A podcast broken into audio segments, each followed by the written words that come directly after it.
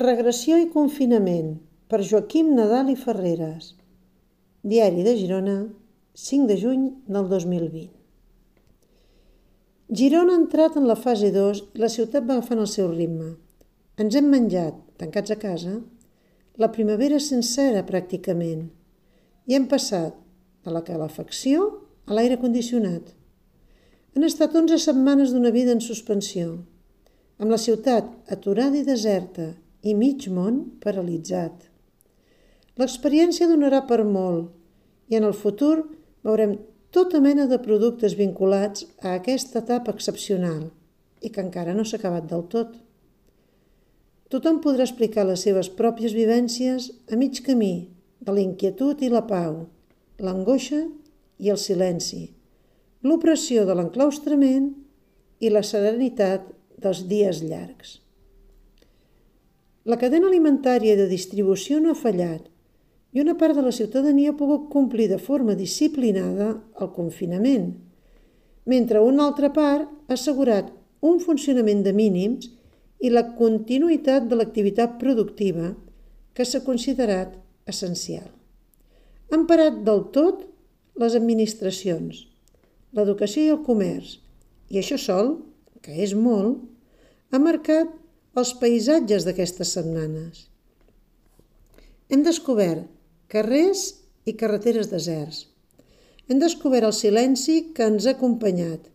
Hem recuperat els sons de la natura. Hem escoltat i vist ocells amb els quals mai no ens havíem fixat. Les ciutats s'han sotmès a una cura d'estrès. Els carrers, les parets, els paviments, els parcs, els jardins han anat fent la seva lluny de la voràgina humana habitual i la natura ha recuperat espais que havia anat abandonant. El silenci amable a vegades i aclaparador d'altres ens anava donant una imatge parcial de la realitat.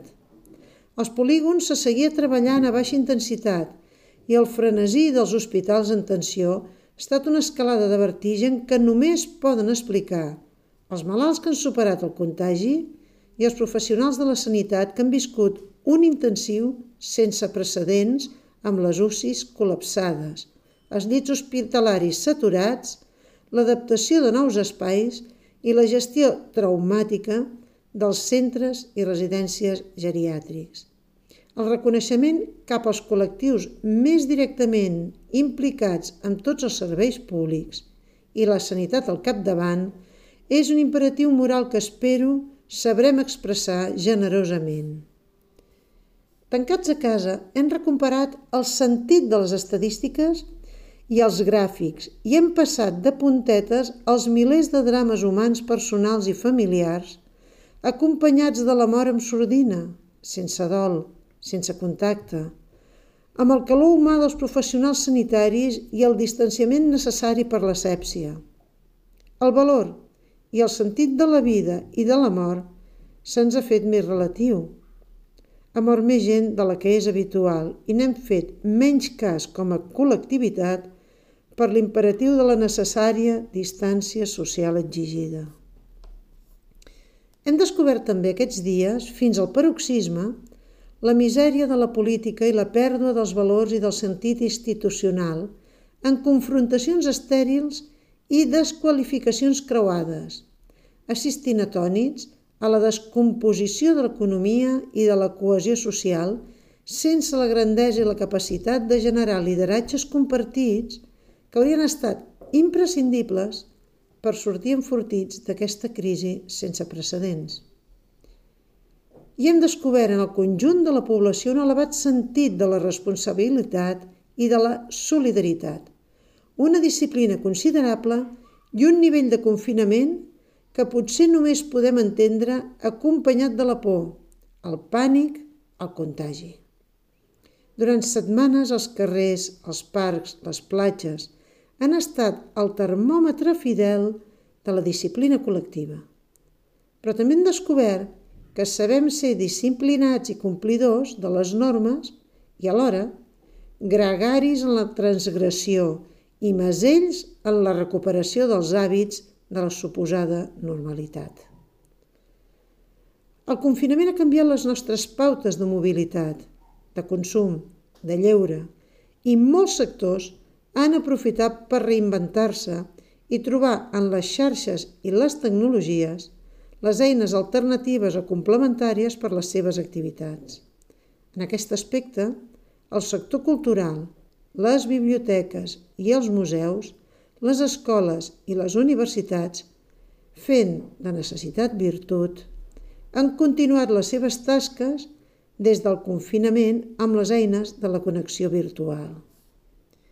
En el debat entre la salut i l'economia i la prevalença en les prioritats, ha quedat clar que la capacitat de respostes dels sectors és variable i que segurament la impaciència per la recuperació de la normalitat és directament proporcional amb la capacitat de generar ingressos i la capacitat de viure sense recursos.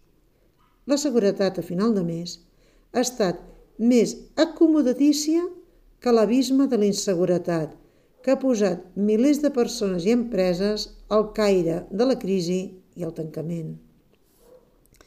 D'altra banda, el confinament i la desescalada progressiva han alimentat uns miratges.